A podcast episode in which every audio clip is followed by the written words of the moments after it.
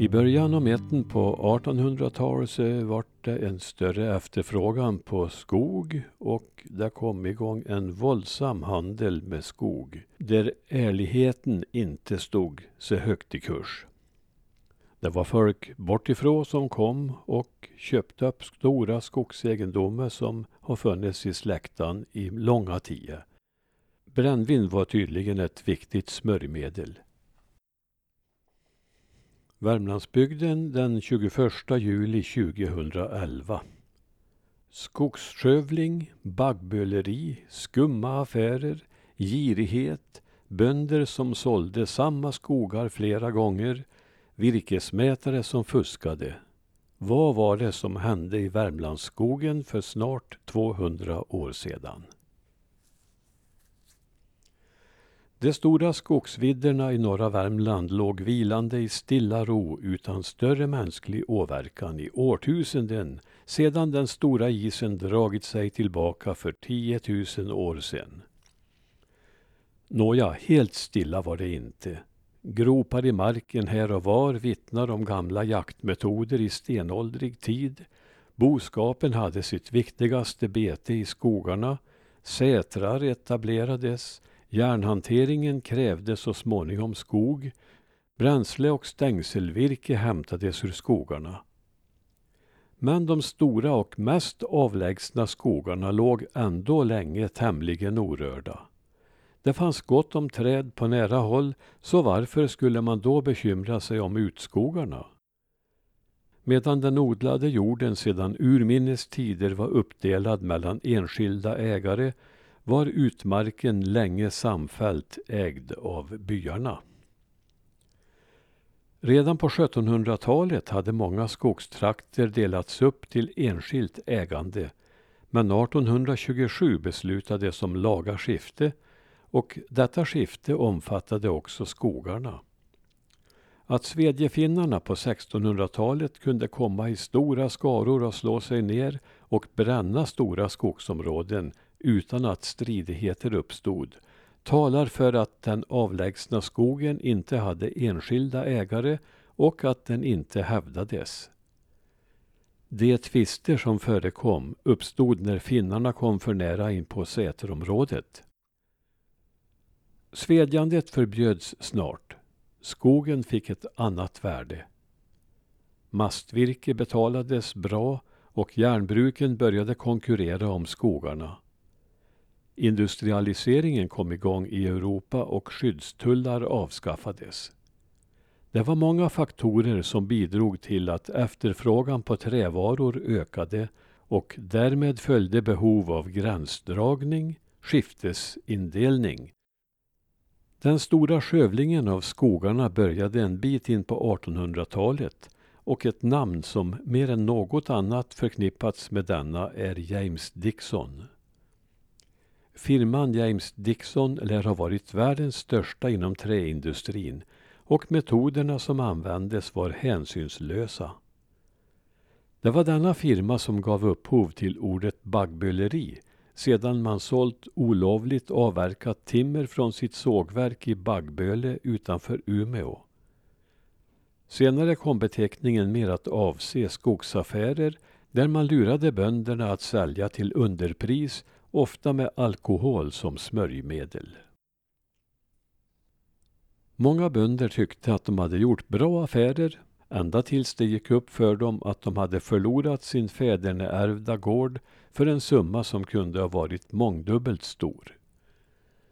Det hände då att de sålde samma skogsområde en gång till.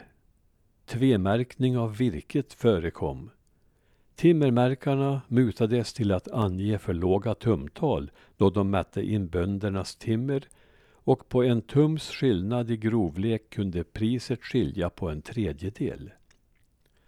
Moralen låg på en mycket låg nivå. Firman James Dixon bredde ut sig och blev år 1836 de första utifrån som köpte skogsområden i norra Värmland. Affären gjordes av Dixonägda Dejefors och kom att omfatta flera tusen tunnland i Höljes skogar. Givetvis till underpris. Dicksons metoder var högst tvivelaktiga och flera aktörer följde snart hans exempel då de såg att det gick att tjäna stora slantar. För att i förväg bearbeta skogsägarna skickade Dickson sin uppköpare Dyrén till trakten i förväg, i det här fallet alltså Höljes.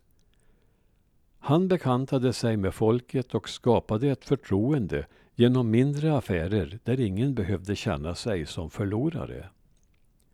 Bönderna skulle förstå att det var en lycka att få göra affärer med honom. Han lejde forkarlar och dagsverkare till dubbel betalning. Dyrén tog tid på sig. Han slog på stort och ställde till med stora kalas där det bjöds på fina matvaror och framförallt brännvin till männen och kaffe eller glögg till kvinnorna. I ett par dagar kunde ett sådant kalas pågå med mat, dryck och dans. I skriften Firman James Dixon från 1874 skriver A.F. Olson Olsson efter dessa tvenne dagar under vilka männen icke lämnats något tillfälle att smyga sig hem, voro de av nattvak och rus så uttröttade att de villigt fogade sig efter de frikostiga värdarnas önskningar. Kontrakter voro på förhand upprättade och med det sista bomärkets undertecknande hade ytterligare en miljon funnit väg till Dicksons redan förut fulla kassakistor. För sent insåg bönderna att de blivit lurade. En annan sågverksägare, greve Frölich, övertalade några byamän att stämma Dyrén och hans husbonde för att få köpet upphävt. Men tydligen förekom mutor även här och kärandena tog tillbaka sina påståenden. För Dyrén själv var denna affär så lönsam att han kunde köpa Älgå bruk och sågverk ett halvår senare. Och skogshandeln fortsatte.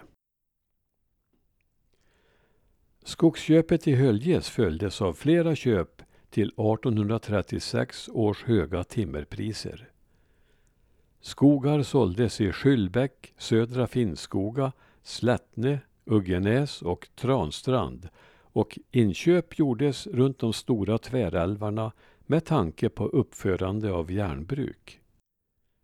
De vilda affärerna fortsatte in på 1840-talet i Värmlands skogstrakter ända upp till Aspberget. Men allmogen blev allt mer vaksam och mindre lättlurad.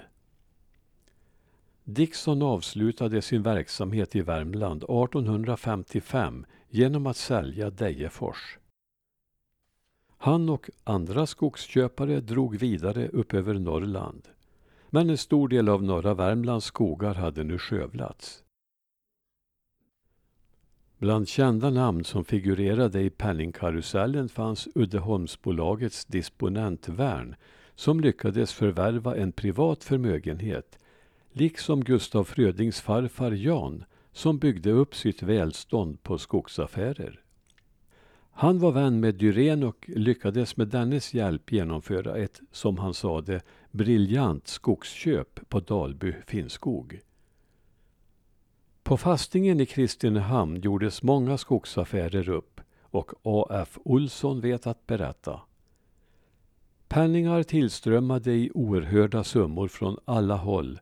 Man hade ej ens tid att räkna dem och mången torde ännu minnas huru handlanden Jan Fröding varje afton från sin salubod inpackade ofantliga massor större och mindre sedlar samt annat mynt i hattar, vilka uppburos i en vindskammare och tömdes i en därstädes befintlig utdragssoffa. Penningar funnos som gräs, men så sparades de ej heller. Det var en epidemi, säga vi, som inte ens det högvördiga prästerskapet undgick. Och till och med den lärde professorn och utmärkte historikern Anders Fryxell gav sig ingen ro förrän han utverkat sig vederbörande konsistoriums tillåtelse att avverka omkring hundra tunnland av sin boställsskog. Slut på citat. Även flera av de lurade skogsbönderna kände sig förmögna. De hade ju fått buntar med pengar även om de blivit gruvligt underbetalda.